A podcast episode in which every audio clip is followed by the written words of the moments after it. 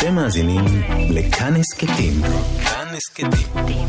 הפודקאסטים של תאגיד השידור הישראלי.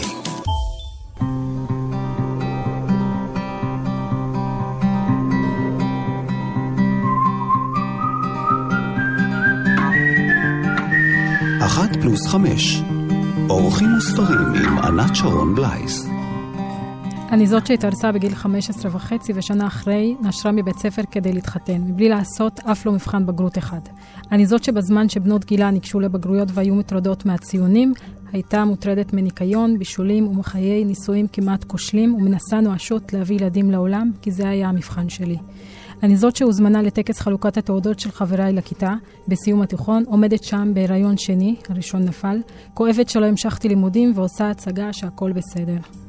אני זאת שיצאה אל שוק העבודה, נתקלה בהיסוסים ובסירובים פעם אחר פעם, כי בלי תעודת בגרות, ובכן, זה קשה. הדבר היחיד שהציל אותי זה שאני מדברת חמש שפות. אני זאת שבגיל 30 וחצי החליטה להירשם לאוניברסיטה הפתוחה, כי אף מושג אקדמי אחר לא יקבל מישהי שלא עשתה בגרות. מלאת חששות וחסרת ביטחון נרשמתי לקורס ראשון. אני זאת שבשיעור סטטיסטיקה בהיתי בלוח, מלא מספרים, נזכרת שהמורה שלי אמר שמה שיצא ממני זה לעצב שיער בתצוגות אופנה, אבל התעקשתי ללמוד. נעזרתי במורה פרטית והבאתי בקורס הזה מעל 80. אני זאת שהייתה מתייצבת בתחנת רכבת בשעה חמש וחצי בבוקר כדי לא לאחר ללימודים בחיפה, ובזמן הפנוי ברכבת הייתה לומדת קורס אחר דרך הרצאות בטלפון. אני זאת שכמעט אף פעם לא איחרה לשיעור או חיסרה, הרבה פעמים עשיתי יותר מטלות ממה שנדרש, כי לא האמנתי בעצמי ופחדתי להיכשל. לקח לי ארבע שנים וחצי לעשות תואר ראשון במדעי המדינה והחברה בהצטיינות. כן, בהצטיינות. אני היעד שנשרה מבית ספר, שלא עשתה אף לא מבחן בגרות, שמעולם לא הצטיינה בכיתה ואפילו נשארתי כיתה. כיום, אחרי שהוצאתי לאור שני ספרים מוצלחים, חמדילה, וקיבלתי שבחים, התחלתי לעבוד כמרצה בחוג לספרות במכללה, בנוסף לעבודה בתיכון מצוין. חמדילה, החלום שעבדתי כל כך קשה בשבילו התגשם. אינשאללה עוד חלומות שלי ושלכם. בחרתי לשתף אתכם, לא כדי שתגידו את מדהימה וכל הכבוד, כאילו ברור גם, אבל בעיקר כדי להגיד לא לנשירה מבית ספר ולא לנישואים מוקדמים. וגם אם בכל זאת זה קרה, לעולם לא מאוחר ללמוד ולהגשים חלום. כאן תרבות, מאזינות ומאזינים, מהתוכנית אחת פלוס חמש, אורחת אחת באולפן היום עם חמשת הספרים האהובים עליה, ועם השירים היפים שלה נמצאת איתי המשוררת איית אבו שמיס, שהיא כלת פרס לשוויון אה, וצדק חברתי על שם סמי מיכאל לשנת 2020. אז רגע לפני שאנחנו מחליפים קידומת ל-2021, את אה, פה איתי באולפן, ואת יוצאת בסוף ה... הפוסט הזה שפרסמת כשקיבלת את הדיפלומה, את יוצאת ואת אומרת, גם אם אתן מתחתנות, תשרטטו לעצמכן את המקום שלכן, את הזהות שלכן, תלמדו, שתהיה לכן את התעודת זהות שלכן, לא שאתן אשתו של או אימא של. קודם כל תהיי את, אני, האישה. לגמרי. אמ, חייתי, בתקופת הנישואים באמת לא... לא, לא כל כך הייתי אני, כאילו זה היה, הייתי כל הזמן אשתו של בעלי, ומהר מאוד הפכתי לאימא של מחמוד. אפילו גם, uh, ככה היו קוראים לי, עם מחמוד. פחות אייט עם מחמוד כזה. Uh, ותקופה ארוכה באמת, uh, כשהפכתי לאימא, לא, לא כל כך הייתי נוכחת, לא כל כך הייתי אני, וזה מאוד תסכל אותי. זה מאוד תסכל אותי, וגם, אני מניחה שגם תסכל גם את בעלי וגם את הבן שלי, כי התסכול שלי גם משפיע עליהם כן. באיזושהי, באיזושהי דרך. אז כן, אחרי שנים ככה קיבלתי החלטה. אה, שמה שאני עושה זה לא נכון, שאי אפשר אה, להמשיך אה, לחיות חיים בזמן שאני לא אני, בזמן שאני ככה רק אימא של מחמוד. אימא של מחמוד זה חלק ממני כמובן, אבל זה לא הדבר היחיד, ואני צריכה ככה לעשות משהו שהוא בשבילי. אז זה התחיל מכתיבת הספרים, מהפרסום, מהפרסום של, ה, של השירים שלי, ו... ואחרי זה לימודים, לימודים אקדמיים, זה באמת היה חלום. יש לך שני uh, ספרי שירה, ששניהם יצאו בהוצאת מטען. הראשון, סל מלא שפות שותקות, יצא בשנת 2013. השני, אני זה שניים, שיצא ב-2018, כאמור בהוצאת מטען. ואת לא כותבת בערבית שירה, את כותבת בעברית. כן, אה, אני כותבת בעברית. אני, אני למדתי בבית ספר הצרפתי, והערבית לא הייתה כל כך אה, חזקה. אז הערבית שלי היא לא, לא באמת אה, ערבית שבה אני אוכל אה, לכתוב אה, שיר, אז מצאתי את עצמי ככה כותבת ב- בעברית. בערבית פשוט יש את הערבית המדוברת והערבית הספרותית. בדיוק, כן. אז לא באמת אפשר לכתוב שיר בערבית הספרותית. אני יודעת מדוברת יפה מאוד, אבל ספרותית זה הרבה יותר ככה קשה וכבד, ולא כל כך למדנו את זה בבית ספר. זאת אומרת, למדנו בזמן שנגיד, למדנו מלא מלא מלא צרפתית בכל מקצוע שאפשר, גם במתמטיקה צרפתית. אה, ערבית למדנו נגיד אה, שלוש עד ארבע פעמים בשבוע, שזה מעט מאוד לשפה כל כך עשירה. אז כך שהערבית שלי באמת אה, התפספסה, ומצאתי את עצמי כותבת ב- בעברית. צרפתית ניסית? ניסיתי, זה לא יצא. לא יצא. לא, הייתה תקופה שכתבתי באנגלית, אבל יש איזשהו מין נתק כזה. כן. Uh, בעברית יותר התחברתי. אני יודעת שזה נושא ככה, שעשו ממנו נושא מאוד פוליטי ו- mm-hmm. וכולי. בואי נשמע שיר שלך, חלק מהשירים שלך עוסקים בזה, גם השם של הספר, הש- השמות של הספרים שלך, סל מלא שפות שותקות, ואני זה שניים. הרי זה עוסק גם בזהויות של השפה. Mm-hmm. אז בואי נשמע אותך קוראת את השיר בוגדת. בוגדת. אני בוגדת בחושך, בלילה. ובאור יום, בוגדת בסתר ומול כולם, לעיני מי שרוצה לראות. אני בוגדת כל הזמן. בוגדת בשניהם, בוגדת בשורשיי ובארץ מגוריי. בוגדת בכולכם, בלב שלכם, בעיניים שלכם, כובשת ובוגדת ולא מתנצלת. על מה השיר הזה היה? לא ברור.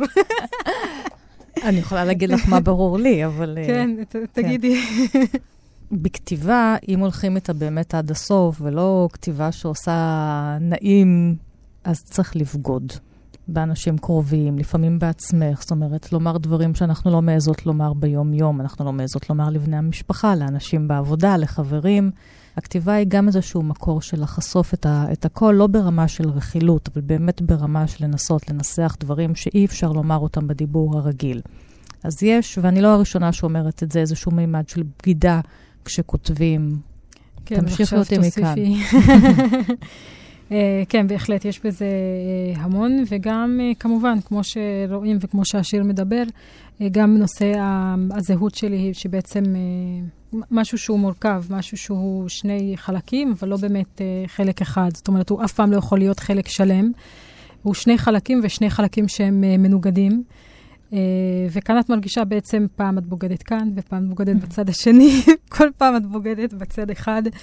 ו- ו- ובאמת, אני הפסקתי, הפסקתי ככה להתנצל, והפסקתי לתת uh, הסברים. Uh, אני זה מה שאני, בין אם uh, היותי פלסטינית ערבייה, ובין היותי אזרחית uh, ישראלית שכותבת uh, בעברית.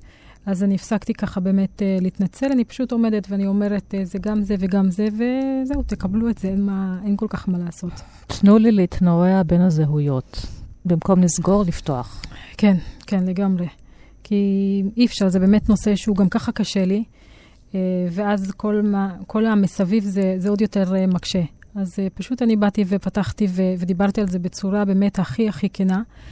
אה, בנושא הזה. וגם אה, הרבה פעמים השיר הזה הוא בעצם נולד גם כאן מתוך המדינה, זאת אומרת, גם מתוך היותי אה, אזרחית כאן, כי המילה בוגדת זה משהו שאנחנו כל הזמן שומעים. נכון. כאילו, לא, לא בוגדים משנה. במדינה. בדיוק, כן.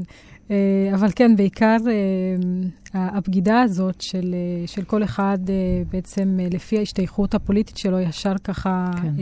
ישר אנחנו בוגדים במישהו. את או... בדיוק, כן, איזשהו תווית שהוא ככה בוגד, אז זה משהו באמת שכל הזמן נשאר לי בראש, ובטח כ... כפלסטינית, כערבייה, אז, אז עוד יותר בוגדת.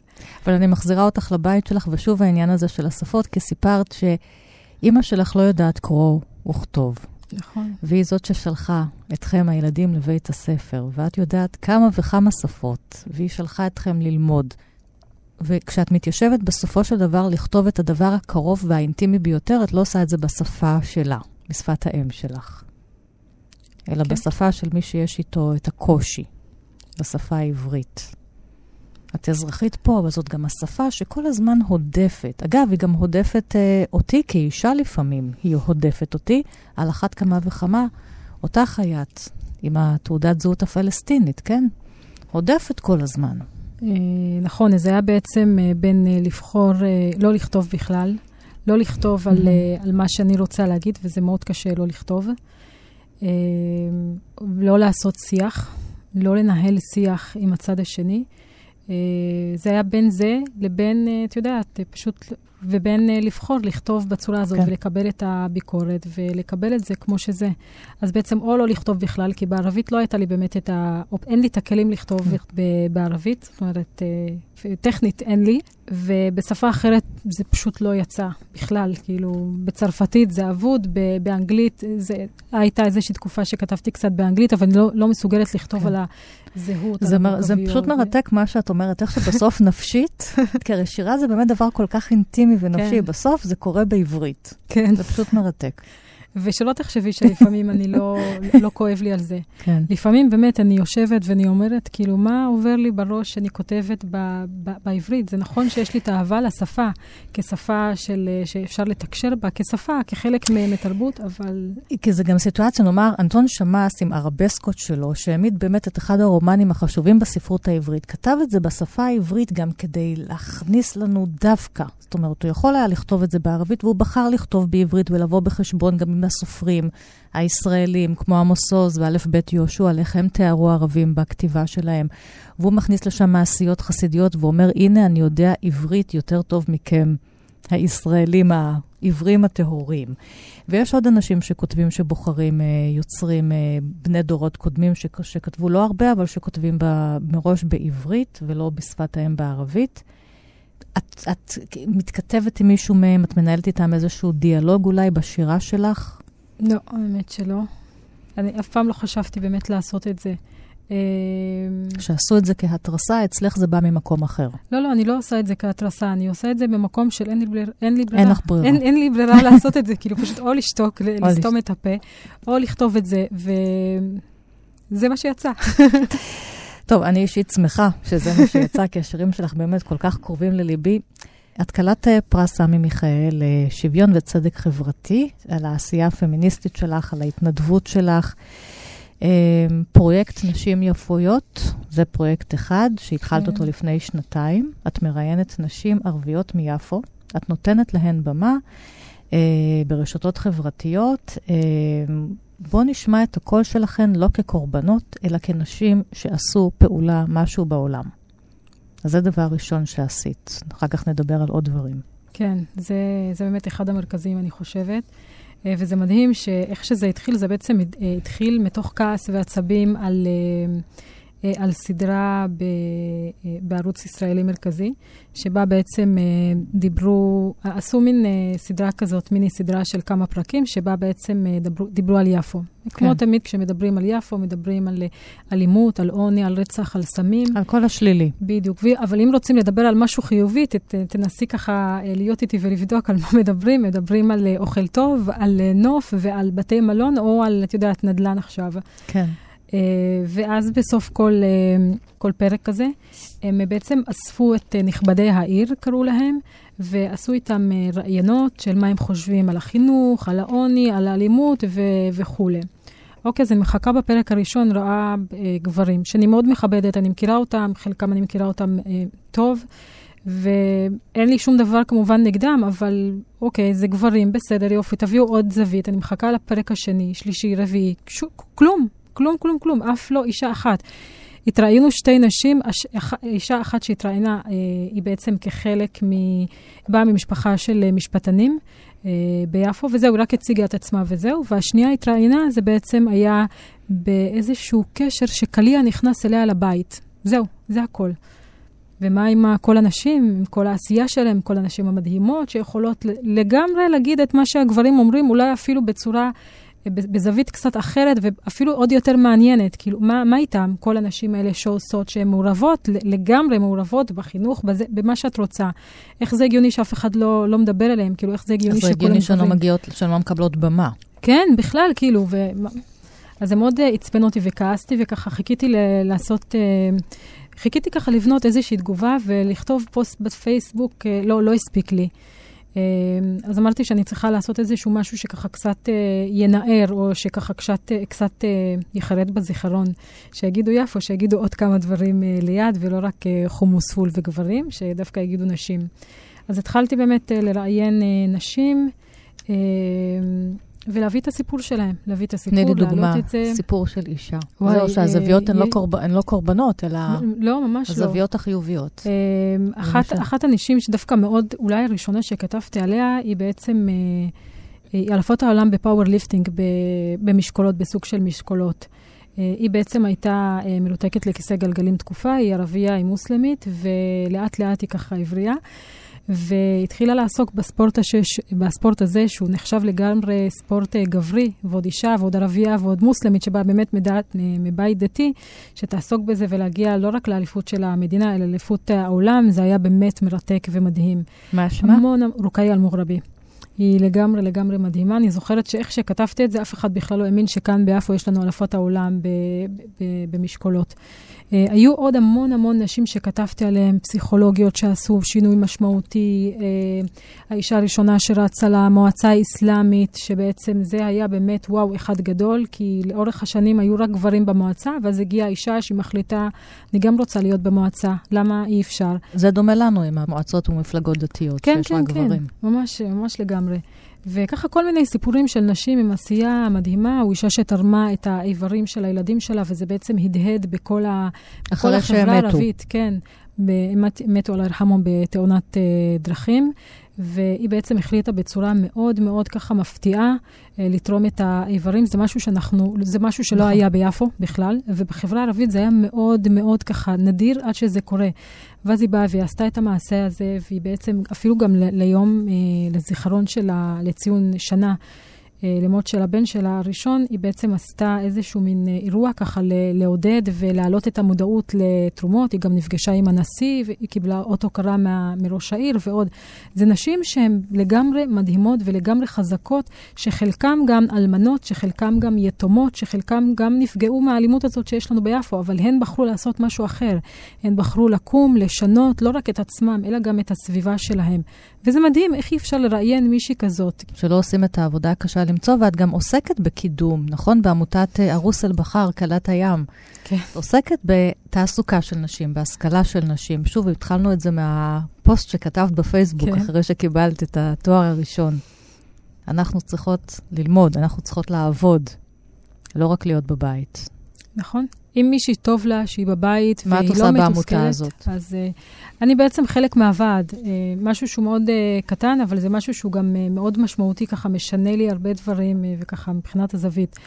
Uh, אבל אני חושבת שעיקר הפעילות זה, זה הפרויקט שלי, כי אותו אני עושה לגמרי, אה, לא לגמרי לבד, כי המון אה, תושבים יפואים עוזרים לי, אבל... הפרויקט אה, של התיעוד של הנשים. כן, כן. זה גם הגיע לבמת TED, ב- באנגלית הרציתי, בדיוק לפני שנה, לפני כן. שנה ויומיים, כן, זה היה מדהים. אה, זה משהו שהוא באמת ככה מאוד שונה, וזה גם הפך למין אה, פרויקט כזה, סוג של אה, קהילתי אפילו, הייתי קוראת לזה, באמת. זה כאילו שזה שייך, אנשים כבר אה, מחכים מתי אני מעלה את הטקסט, מי, מי עכשיו, מי הבא בתור, באיזה תחום. שולחים אליי כל מיני, אה, את יודעת, אה, שמות של נשים, אה, תבדקי, תסתכלי וזה. וזה, את לא מבינה כמה זה משמח אותי. אחת הנשים שכתבתי עליהן לפני uh, שנה וקצת, היא, היא בעצם uh, בעולם המשפטים, בסנגוריה הציבורית, רק לפני כמה ימים היא מונתה להיות השופטת uh, שופטת בבית משפט השלום. את לא מבינה איך שאני קיבלתי את ההודעה, אני כמעט בכיתי מהתרגשות. איזה מדהים זה. וואי, זה פשוט באמת... וכל אחת מדהימות. מהן באמת ראויה, אני חושבת, לסרט כולן. טלוויזיה זהו, משל עצמה. לגמרי, לגמרי כולן. עיית, בואי תקראי לנו עוד שיר שלך, כן. ואז אה, נלך אל הספרים שבחרת, שאת אוהבת. אה, שיר ספציפי. אני, מה- את רוצה, אני סוחבת את המילים? כן, אני מאוד אוהבת אותו. זה בבקשה. בעצם שיר שפותח את הספר הראשון שלי. אה, אני סוחבת את המילים שעוד לא למדתי. השפה שלי טובעת, שיניים סוערות כים ביום חורפי. לא מצליחה לצוד אף מילה בחייך שלי. מרימה את הקול כחכה, עם לשוני נושא צל מלא שפות שותקות כדגים, מניחה אותו על השיש במטבח שלכם.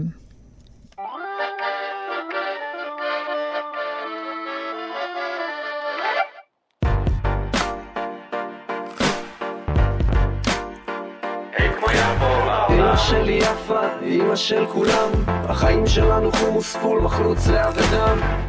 אמא יפה שילך כל העולם ותני לי רק להיות מסטולי, את מנה של סם. איפה יפה בעולם? אמי יפה, בס יפה ומלכול, حياتنا لخبطات على الصحن ومسكول أمي يفا مش دايما على طول إذا انت الحشيش بس أكون مسطول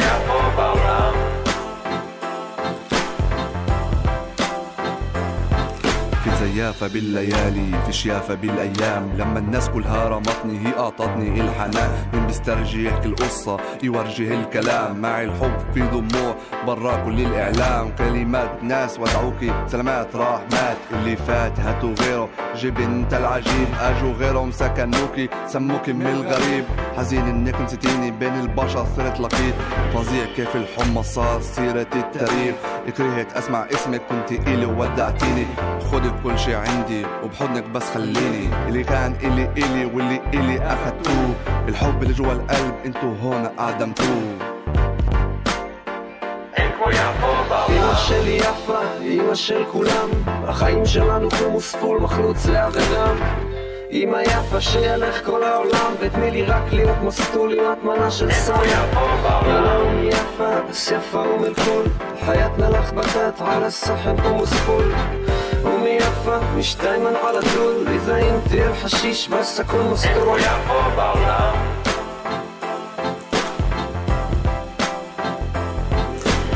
القلب هون مفتوح بس البيوت كلها غالي. حكولنا ندوك يوم بس فهمناه كله مصاري. أيام شارع ستين كانوا يسموه صفاري. اليوم كل دار مهجورة صارت وتهنتي أورينتالي. يافا الها زلامها يافا الها أصحابها يافا الها أولادها. يافا راح تحميك بين جدرانها بس أنت مش واحد من أبنائها. فانا ابنك ونسيتيني؟ عنك عجبتيني من أحضانك طرطيني معقولة ما حبيتيني؟ من صغير ربيتيني. أشعارك حفظتيني. أدابك علمتيني علمتيني أخلاقك أعطيتيني. أسراري خبيتيني بين جناحك أحضنيني. أنا أمي يافا بس يافا. أم الكل. أم الكل.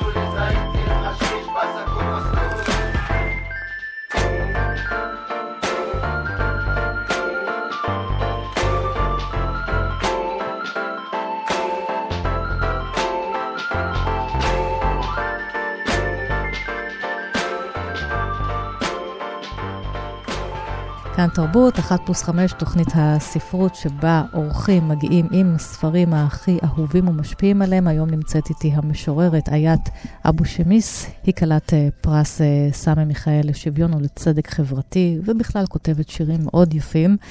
ואנחנו נשארים ביפו עם הסופר איימן סיקסק, עם הספר שלו אל יפו, שהוא מבוסס בין היתר גם על ה... החיים שלו האישיים, על גיבור שגם מחפש את הזהות ואת השייכות שלו בין הבית המסורתי, אה, בית שבו הוא גם צריך לעזור בפרנסת הבית, כי האב מת בתאונה של פועל בניין, הוא נפל מפיגום. לבין הרצון ללכת על האוניברסיטה, ללמוד באוניברסיטה, אה, לכתוב, להיות סופר, אה, ללמוד ספרות, המתח הזה. שוב, המתח הבין-דתי והמתח הזה בין ההשכלה לבין המסורת. הספר הראשון של איימן סיקסק אל יפו. כן, אגב, אני ואיימן למדנו באותו בית ספר, באותה שכבה. שנייה, אני אקריא איזשהו קטע, רק רגע אחד. אוקיי. וגם הוא, אגב, כותב את הספר בעברית. נכון. הנה, את רואה את הכשלים של הבית ספר הצרפתי? כשלים, כן. ובעצם, אני חושבת גם שהוא בונה ביחד את השפה איתי, עם הקוראת. אוקיי, בוא נראה איך אני בונה את העברית איתך ביחד, כשזה לכאורה לא שפת האם שלי. התכוונתי לומר, אני מבין, אבל ממבטו ניכר שלא ציפה לתשובה. שתקתי ולא ניסיתי לחלץ את מבטי משלו. תראה, הם שימו שם למעלה, אמר לבסוף. שמו כבר את השלט החדש. הבטתי החוצה על השלט, צרור חמניות מצוירות ובראשן הכיתוב חג שמח לכל בית ישראל. שלט נחמד, המשיך. גדול מאוד, רק חבל שהוא 30 מטר מתחנת המשטרה. הסירנות מסתירות את מה שכתוב. הסירנות מסתירות את הכל כאן. לא ככה? אמרתי ונשענתי אל דופן החלון. דווקא איפה שלא צריכים אותן, הן תמיד יהיו. אתה מספר לי, הוא נסוג וסימן לי לבוא אחריו למטבח. לכל אחד פה בשכונה יש מה לספר על התחנה הזאת. במטבח חיכתה לנו אמו עם צלחת מעמול בידיה, התיישבנו אל השולחן ואכלנו כמה עוגיות והקפדנו להעלות מדי פעם קולות של הנאה. אבל אתה זוכר למה הפסקנו? הוא שאל פתאום. הפסקנו מה? סוכות, למה הפסקנו לחגוג אותו? אתה זוכר? לקחתי עוגייה נוספת מהצלחת, ובידי הפנויה תמכתי בראשי. ניסיתי לדלות מזיכרוני דבר מה שיכריע בעניין, ולא הצלחתי. לא. אבל לא נראה לי שקרה משהו מיוחד. על מה הקטע הזה? אה, את האמת, זה קטע שאני מאוד uh, מתחברת אליו, כי כשהייתי קטנה, uh, גם היינו ככה חוגגים את, ה, את הסוכות, ובונים uh, סוכה ובל"ג בעומר היינו עושים uh, מדורה, זה, זה ממש מצחיק. ורק כשגדלתי הבנתי שזה לא החג שלנו. וחגגנו את זה עם החברים, אה, ילדים, ערבים אוקיי, ויהודים. מדהים. אולי אפילו גם יותר ערבים היינו, אבל בשכונה כזה. זאת הייתה שכונה מעורבת של ערבים ויהודים, וזה היה כל כך נורמלי שיש את כן. הסוכות, ואנחנו באים אליהם, ואנחנו בונים ביחד סוכה. ובל"ג בעומר זה גם, היה נראה לנו כאילו הכי טבעי ללכת ולאסוף אה, עצים, ולעשות אה, אה, מדורה, ולקרוא לשכנים, ולחברים, ולחברות. זה באמת הרגיש כאילו שזה היה טבעי, כאילו שזה היה שלנו. ואז כשאת uh, גדלה עם השנים, את, יש לך סתירה כזאת מצלצלת שלא, זה, זה לעם ישראל, זה לעם היהודי, זה לא לנו. אז, אז כן, זה לגמרי קטע שמאוד מדבר. אה, בנוסף לזה, שב, שביפו אנחנו, את יודעת, אנחנו, אה, שתי הקהילות מתערבבות ביחד, כן. וזה יוצר משהו אחד שהוא ככה מאוד, אה, מאוד מעניין. כמו הדברים האלה שהם בעצם uh, חגיגות. מה שכן, את יודעת, תמיד החגים של היהודים אנחנו חגגנו, אבל הם אף פעם לא חגגו איתנו את החגים שלנו. זה עצוב. הם לא... חג נביא, Christmas. כן, כאילו, עכשיו כשאני, כאילו, כשגדלתי, התחלתי לחשוב על הדברים, אני אומרת, כאילו, זה, זה, זה מאוד עצוב, וזה מאוד מוזר, וזה מאוד ככה לא... לא, לא, זה לא, זה לא, זה לא שיתוף. זה צד אחד שהוא יותר, ואז אנחנו כן. נמשכים לצד אחד, וזהו. זה עצוב, כן, לגמרי עצוב. שבסוף הודפים וסוגרים את הדלת. כן, יש אנשים שהם ביפו שעד עכשיו הם לא יודעים אם אנחנו שותים מים ב- במהלך רמדאן או לא, במהלך הצום או לא. כן. אני זוכרת שכתבתי על זה מאמר שפורסם בהארץ. אנשים פשוט- יהודים כן, שלא, כן, כן, כיהודים, ולא שותים כאילו. מים, אסור כל היום, לא אוכלים ולא שותים. כן, והיו הערב. שואלים אותנו, מותר לך לשתות מים, מותר לך לשתות מים. אני אומרת, כאילו, אתם רציניים? אתם חיים איתנו כאן ביפו כן. שנים על גבי שנים, על גבי שנים, על גבי שנים, וזאת השאלה שיש לכם? אם אנחנו שותים מים? אני זוכרת שבאותה תקופה, כשזה קרה לפני כמה שנים, אני פשוט אה, עשיתי מין אה, פרויקט קצר כזה, שבו הסברתי לעם ישראל מה זה רמדאן, מה אנחנו עושים, באמת. כאילו, למי מותר לצום, מתי אסור לצום, מתי הצום כבר אה, פג תוקף, כל עניין, ענייני של האנשים וכולי. וזה היה מרתק, אנשים פשוט אומרים לי, אנחנו חיים כאן כבר שנים, 50, 60, אנשים גם מבוגרים, ולא ידענו את כל זה. ת, תסתכלי איזה ניתוק יש. אני חוזרת רגע לספר הזה, כי כן. גם בספר הזה יש נשים, יש לו אחות ויש לו אהובה, ושתיהן גם נאלצות להתחתן בגיל צעיר. והוא רואה את אחותו שוב הולכת אל הנישואים ולא אל הלימודים, מה שהתאפשר לו. קצת מזכיר גם את הסיפור שלך. אה, כן, נותן הרבה כן. מקום לנשים בספר שלו, איימן. נכון, זה מזכיר את הסיפור שלי, וזה מזכיר על, אה, את, את הסיפור של אה, עוד נשים שאני מכירה. אה, אני מסתכלת בחברה שלי, וכן, זה מאוד מזכיר. אחת פלוס חמש. אורחים וספרים עם ענת שרון בלייס. ואנחנו עם הספר השני, זאת, זאת נובלה גרפית ששמה במים.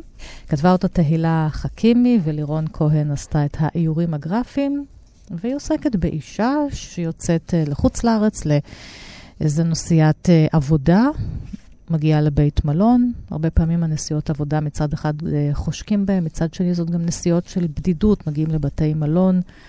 ושם בעצם את נפגשת עם עצמך ועם הזרות והבדידות שלך. ודבר נוסף, זה שאת לא רק נפגשת עם עצמך ועם הבדידות, את uh, גם פוגשת את המקומות שבהם פעמים רבות uh, מתקיימת שם תעשיית הזנות, בחדרים של בתי מלון. ועל זה תהילה חכימי כותבת. כן, הספר המאוד מעניין למצוא של אהבה. תהילה. הספר המאוד מעניין של תהילה, בחרתי אותו כי פעם ראשונה שאני קוראת אה, איזושהי נובלה גרפית, ובהתחלה ככה הסתכלתי ואמרתי, כאילו, אני לא יודעת אם אני אוהב אותו, אבל אה, אז ככה זה מאוד משך אותי. בכלל, הכתיבה של אה, תהילה היא מאוד מרתקת. אז כאן זה היה באמת משהו מאוד מיוחד, זה הספר הראשון, כמו שציינתי. אני אקרא קטע ככה קצר. לקחתי את הכרטיס שפותח את דלת החדר, את כובע השחייה והמשקפת ועליתי לקומה ה-18, קומת הבריכה. כל הדרך לשם ריח המוזר המשיך לעקוב אחריי עד שהתפוגג בבריכה. בבריכה שבקומה ה-18 הדברים התנהלו לרוחי. היא אומנם הייתה קצרה יחסית, 12 מטר בלבד, והיו בה לא מעט אנשים, אבל כולם שחו בקו ישר, בלי להפריע זה לזו. Uh, את יודעת מה מעניין בספר הזה? כאילו, למה הוא ככה השפיע? כי קראתי את הספר הזה כשהייתי בבית מלון. אני עבדתי בבית מלון, וזה היה ממש מדהים, ככה קראתי ואני ניסיתי, חוויתי, חוויתי ככה קצת את הדברים, אמנם כעובדת, אבל זה נתן לי איזשהו מבט ככה עמוק יותר אולי, אה, של, של דווקא האורחים, מצד האורחים, כי אני שם, את יודעת, בקבלה. וזה היה מאוד מעניין. ואז אני אומרת לתהילה, תקשיב, אני קוראת את הספר שלך בדיוק כשאני יושבת בבית מלון, בתוך בית מלון, וזה בית מלון עסקים. אה, זה מדהים, היו הרבה דברים ככה ש... אה, שהתחברו. וזהו, לגבי... ותהילה כותבת במקום אחר, בתי מלון הם התקדים החי לבתי קברות רבי קומות. כי בתוך בתי המלון האלה קורים דברים שלא קורים אף פעם בחייהם של האנשים בבתים המקוריים שלהם. את מסכימה איתה? בתי מלון, בתי קברות, כי מצד אחד אנחנו חושקים ללכת לנסיעות, גם נסיעות עסקים שהן סוג של ביזנס ופלז'ר, ללכת לבית מלון קצת אה, חופש מהבית שלנו, מהבלגן בבית שלנו, שמישהו אחר יסדר לנו את הבלגן, איז, איזו חדרנית. מצד שני, כותבת פה דברים מאוד נוקבים על מה זה בית מלון. נכון. אני, אני כן נוטה, נוטה להסכים ככה אה, עם מה שהיא כותבת. אני חושבת ש... את יודעת, היה לנו איזשהו אורח שחי בבית מלון אה, ככה כמה חודשים, ולאט לאט הייתי רואה איך העיניים שלו ככה קצת התחילו להיות מין אה, חברות כאלה. באמת, זה, כן. זה מאוד מזכיר את ה, את, על מה שהיא דיברה כאן, על ה... אין בזה, יש, כמה שיש חיים בבית מלון, זה עדיין, זה מקום שהוא מאוד... אה, אה מאוד נוקשה. זאת אומרת, מנוכר. אם אנחנו... כן, כן, זה, זה מקום שהוא ככה זר, זה מקום שהוא גם uh, קשה, זה מקום גם שקורים בו ככה קצת, uh, קצת הרבה דברים ובסתר ובשקט, וקרו כן. דברים גם כשהייתי ב, בבית מלון, בין אם זה uh, uh, מריבות של בני זוג, אלימו, אלימות. כן, לגמרי. וגם יחס לעובדים, באמת, חדרנים, האנשים שנמצאים במקום הנמוך ביותר, אלה שמנקים אחרי האורחים. אני חושבת בעיקר זה החוויות של, ה, של אותם אה, אנשים, מה שהם מביאים ומה שלכאורה, כאילו, את יודעת, מעל פני השטח שזה הכל סבבה ולבוש יפה ועסקים וכולי, אבל זה מאוד, אה, כמו שאמרת, מנוכר. במה עם הנובלה הגרפית של אה, תהילה חכימי ולירון כהן, וחצר האחורית של בתי המלון המפוארים.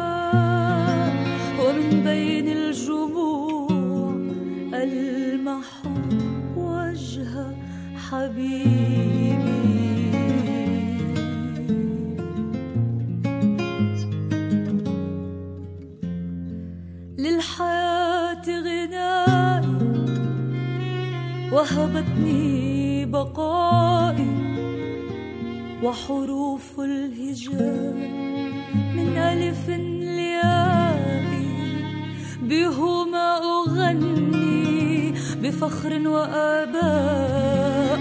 وطني حبيبي يا أرض آبائي.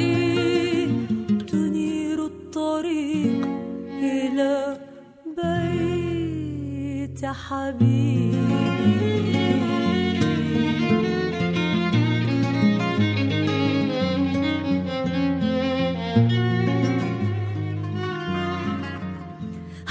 هذه الأرض ما يستحق الحياة. رائحة الخبز في الفجر أول الحب عشب على حجر. أمهات يقفن على خيطنا. وخوف الطغاة من الأغنيات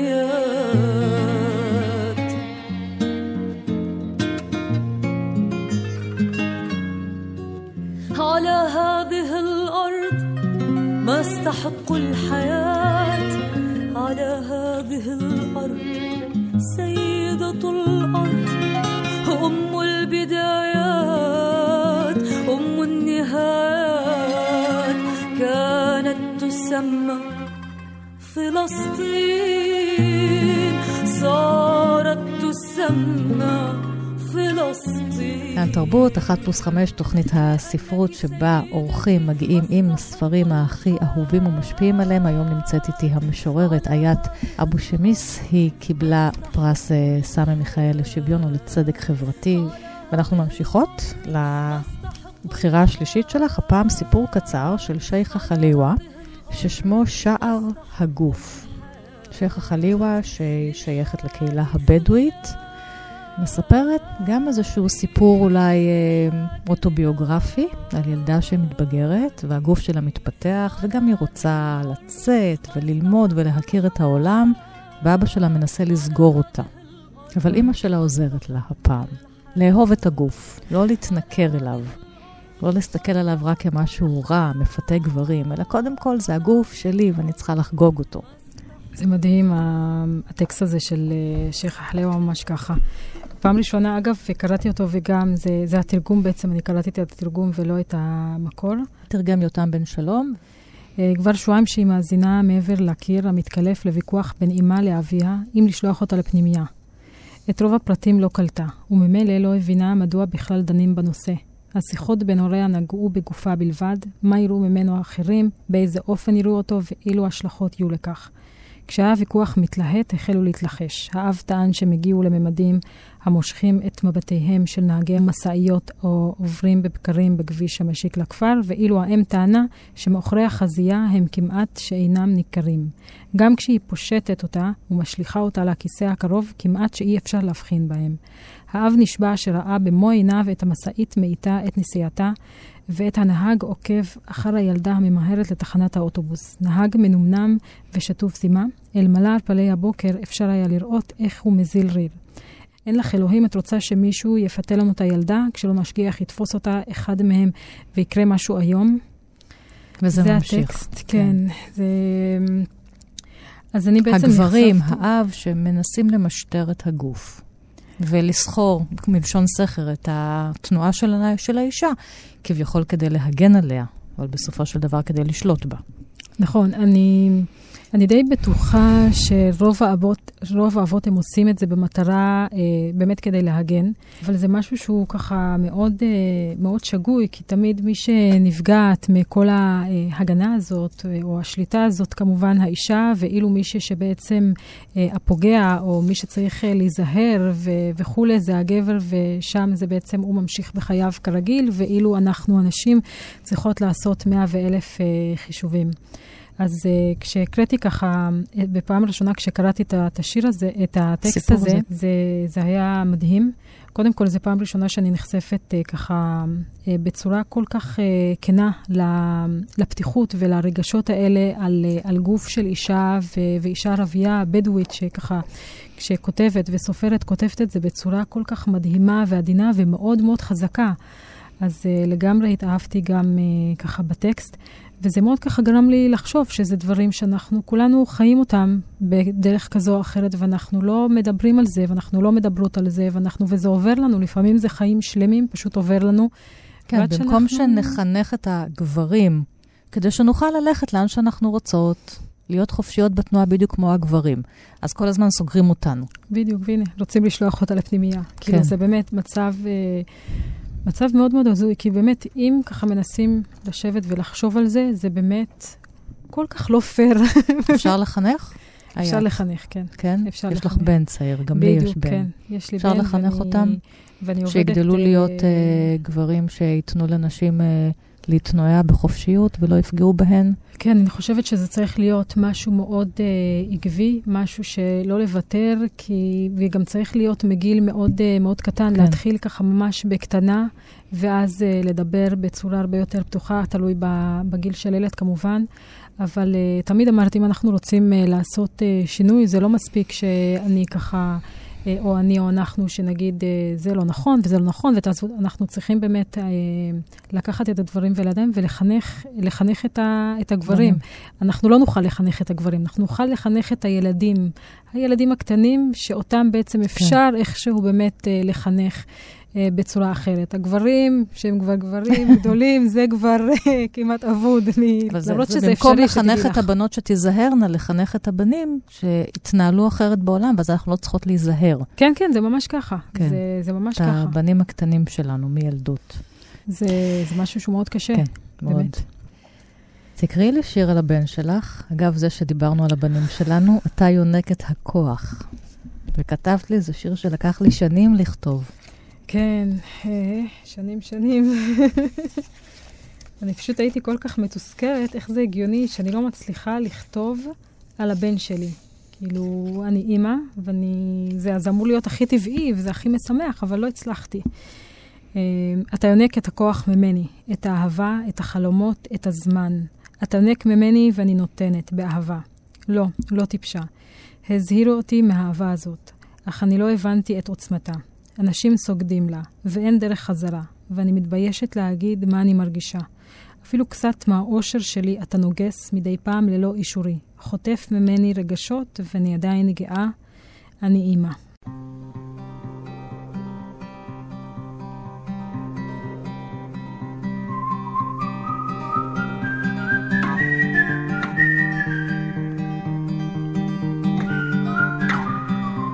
זה גם מוביל אותנו לספר הרביעי, מקום לנערות בסיכון, שגם שם את עובדת ומתנדבת, והבנות האלה אה, הוציאו ספר, שירים, הבנות במצוקה, ששמו מסע הגלים. כן. וזה הדבר הבא שבחרת. תספרי לי על הספר הזה, על העבודה שלך איתן. וואי, זה אחד הדברים הכי מרגשים שאני, שעשיתי בחיים. Uh, זה בעצם קבוצת uh, נערות uh, ביפו שהן מוכרות לרווחה, וככה קבוצה, קבוצה של נערות במצוקה וסיכון, שאמרתי להם שאני רוצה לעשות איתם uh, סדנת כתיבה. זאת לא סדנת הן, כתיבה. איפה הן חיות? כולם חיים uh, בבתים שלהם, וזה לא רמה שהיא, את יודעת, אה, של... ש, שאסור להם לחיות בבתים שלהם. לא, כן, הן חיות אוקיי. זאת אומרת, לא הוציאו אותם. לא, לא, לא. לא הוציאו אותם, הן... אבל את יודעת, יש כל מיני דברים שהן ככה מצריכות איזושהי מסגרת של, של בית חם. ושם בעצם אנחנו נפגשות. אני הולכת... פעם, פעם אחת בשבוע, גג פעמיים, אה, וישבתי איתם ועשיתי את הסדנה. הן כל הזמן בנות שם אה, מתחלפות, כי זה לפי הגילאים, מישהי שמגיעה לגיל הבגרות, כאילו גיל 18, מסיימת בית ספר, אה, היא מפנה בעצם את המקום שלה למישהי אחרת. והן כתבו בערבית, בעברית, גם זהו, וגם? זהו, כתבו גם וגם. הרבה מהם כתבו בערבית ואני חלק תרגמתי. יש כאלה שאמרו לו, אין צורך, זה רק בערבית וזהו. יש כאלה שרצו לכתוב רק ב- בעברית, יש כאלה גם שהם, נגיד, אה, אם זאת מישהי שהיא בעצם, אה, נגיד, חינוך מיוחד או לקיות למידה וכאלה, וזה לא בתי ספר שבאמת ישנם ב- ביפו, אז הן לומדות בבתי ספר אה, עבריים, יהודיים, ואז כן. הערבית שלהם היא לא, היא לא באמת ערבית. הן לא יודעות כל כך לכתוב, אז היו, צריך, אז היו ככה כתבו ב- בעברית. שנייה, אני אגיד לך איזה שיר אני אקרא. האדמה שלי צוללת. אני מרגישה שהאדמה שלי צוללת לתוך גופי, מנסה לדוג את הזהות שלי בתוך חול עמוק. מרגישה עבודה במקום הזה שנקרא מדינה. יש חוסר ודאות, יש חוסר מנוחה. מנסה להיות כאן ולא להיות. נראה לי שבאדמה הזאת החול לקח ממני יותר מדי. אה, זה, זה, זה שיר שהוא ככה, וואו, אני זוכרת גם uh, שעבדתי אותו עם, ה, עם הנערה הצעירה. אגב, הן לא כולן מדברות על נושא הזהות, הם, uh, היא דווקא כן uh, בחרה לדבר, כי זה משהו שככה ישב לה, ישב לה חזק. אני חושבת שזאת תלמידה שלמדה בבית ספר עברי יהודי, לא ביפו, בתל אביב. והיא חוותה את כל הדברים, ב... היא פשוט חוותה מקרוב, איך שאומרים, כן. כן. אז זה מה שיצא. הן צריכות. להתמודד בעצם גם עם איזשהו, כמו שאת אומרת, קושי או מצבי סיכון בחברה הערבית, המוסלמית, וגם אז לצאת אל החברה היהודית, וגם שם להתמודד עם הגזענות. בדיוק. כמה כוחות נפש צריכות להיות לאיזה ילדות. נכון.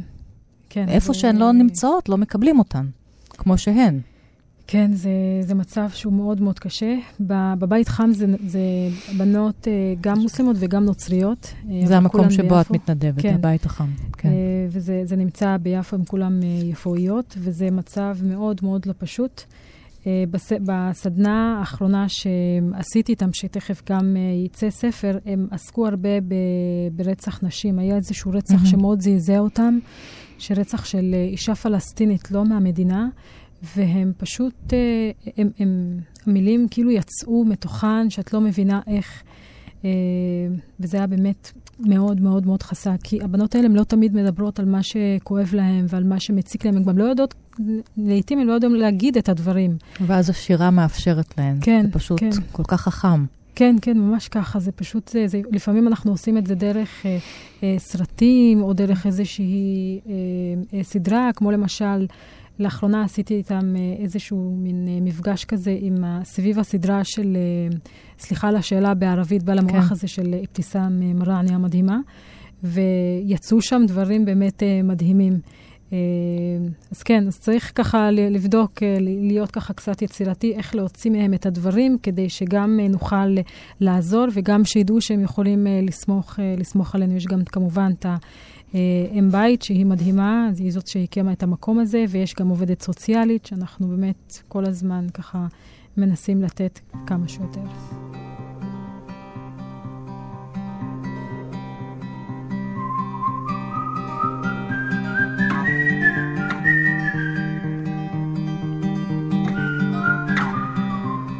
ואנחנו עם הטקסט החמישי, אז את מתלבטת.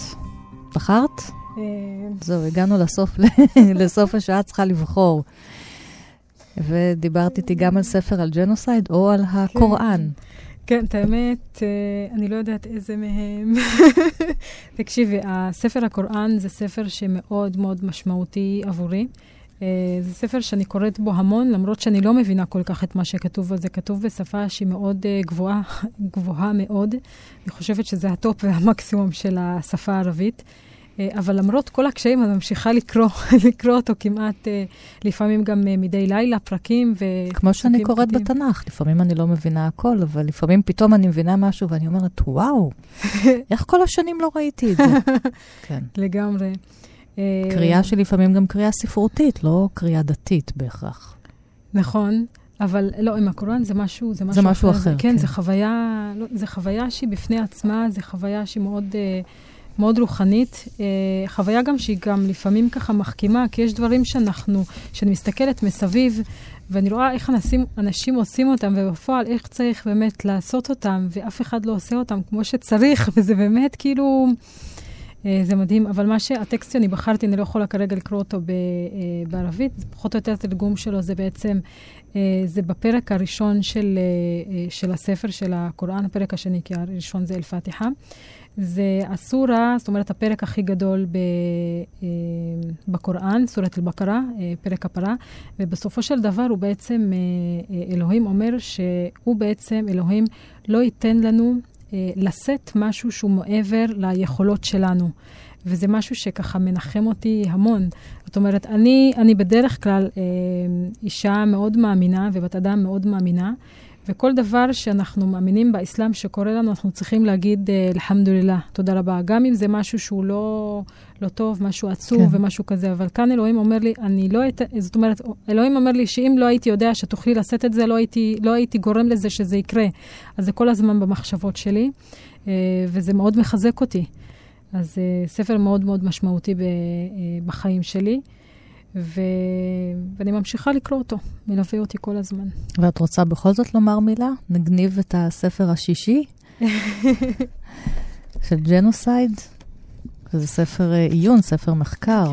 כן, אה, ולמה הוא חשוב לך? למה? רצח עם, genocide. ג'נוסייד, כן, זה... תמיד חשוב לי שהוא, שהוא די אה, ככה... יאיר אורון. כתבו, מי כתב אותו? יאיר יאיר אורון. אורון ויצחק אה, לובלסקי. ראה אור בהוצאת אה, האוניברסיטה הפתוחה. נכון. אה, יצחק לובלצקי הוא בעצם היה המרצה שלי, אני מהמם. חושבת בקורס אחד או בשניים, וזה מאוד ככה מרתק. אז הקטע שאני בחרתי זה, זה בנוגע לגזענות. גזענות נוצרה מתוך צרכים פסיכולוגיים וחברתיים עמוקים, והומצאה בידי בני אדם בעת המפגש עם הזר והשונה, שלעיתים חששו מפניו. אף ילד לא נולד גזען, אבל ילדים רבים הופכים במהלך חייהם לגזענים, ולעיתים אף מעבירים ומנחילים את הגזענות לילדיהם ולתלמידיהם אחריהם. אה, זה משהו שבאמת מלווה אותי המון, כי אה, אני חיה בתוך מדינה שהיא מדינה גזענית, אבל צריך באמת להסתכל, אה, למשל, אם נגיד בגן, כשהילדים שלנו משחקים, ילדים ערבים ויהודים, לא באמת, לא, הם לא באמת מבינים, הם לא באמת מבינים את ההבדלים ביניהם. נכון. הם לא באמת, הם פשוט מתייחסים לזה כאילו שזה הדבר הכי טבעי בעולם. ילדים משחקים ביחד. לגמרי, וזה זה, זה הדבר הטבעי. אבל אז הם בעצם גדלים בתוך איזושהי אה, מדינה וגם בתוך איזושהי מערכת חינוך שמפרידה, שמפרידה ומבדילה, ובעצם אה, מנחיתה עליהם או מעצימה את העליונות של צד אחד. אז כך שזה בעצם, זה, זה מאוד מאוד מאוד כואב ומאוד מאוד עצוב, אפילו לילדים של אותם אנשים. זאת אומרת, כשאתה מגדל ילד, אתה, אתה בעצם לוקח לו את המצב הטבעי שלו, שבעצם הוא נוצר אדם לא, לא גזען, ושם אותו בתוך כל מיני תבניות כדי שהוא יהפוך להיות לגזען. אז uh, זה בעצם uh, מתוך, מתוך הספר הזה. Uh, הלימודים באוניברסיטה ובפרט בתואר שעשיתי, הם מאוד ככה, היו מאוד משמעותיים בחיים שלי. Uh, גם הקורס הזה וגם קורסים uh, אחרים, ולקחתי מהם uh, הרבה מאוד דברים. זה ככה משהו ש, שמלווה אותי. אגב, אני גם הייתי בין הבודדות, אני חושבת שהייתי אשכרה קוראת את הספרים. באמת. לכן את פה, באת עם אהבת הספרים שלך. אז uh, תודה רבה. איית אבו שמיס, ושיר לסיום, מה אנחנו בוחרות מכל השירים היפים שלך? מה עכשיו? במה נסיים? יסמין זה השיר שאני בעצם מסיימת את הספר הראשון שלי בו, שהוא בעצם חותם. אה, יסמין. פעם הייתה לי ילדה, קראתי לה יסמין. היא לא ממש הייתה ילדה. הייתי בהיריון בשבועות הראשונים. היא הייתה דם, אפילו לא עובר. ועדיין לא היה לה לב. הייתה כל כך קטנה שלא התפתחה ולא הפכה לשום דבר. כשהייתי במיון, אמרו לי, אולי היא לא תשרוד, על כן אל תספרי על הריונך. אבל אני חיכיתי ליסמין וסיפרתי לכל מי שרצה לשמוע, כי כולם אוהבים לשמוע על הריון, ובמיוחד הראשון. בפעם השנייה שהייתי במיון, היא כבר ירדה. יסמין הדם הלכה, ואני כל כך רציתי אותה. הילדה שלי הלכה, אבל לא רק יסמין, לא רק הדם. ילדה אחרת גם הלכה. זאתי שהייתי אני לפני הרבה שנים. תודה, בבקשה. איית. וגם זה צריך. גם פה פתחת פתח חדש של כתיבה. אני גם כנראה. uh, חוויתי חוויה כזאת, והבאתי אותה אל תוך השירה, זאת הייתה הדרך שלי להתמודד. ללכת אל השירים ולכתוב uh, אותנו, את הגוף שלנו, את השפה שלנו, את הזיכרונות שלנו, את הכוחות היפים שלנו. תודה לך, איית תודה. אבו שמיס, כלת פרס סמי מיכאל צדק ושוויון חברתי. שני ספרי השירה שלך ראו אור בהוצאת מטען. תודה שהגעת לכאן. כל תוכניות אחת פלוס חמש תמיד זמינות לכם, מאזינות ומאזינים, בדף ההסכתים של תאגיד השידור, ועוד פרטים בדף הפייסבוק שלי. תודה לכם ולהתראות.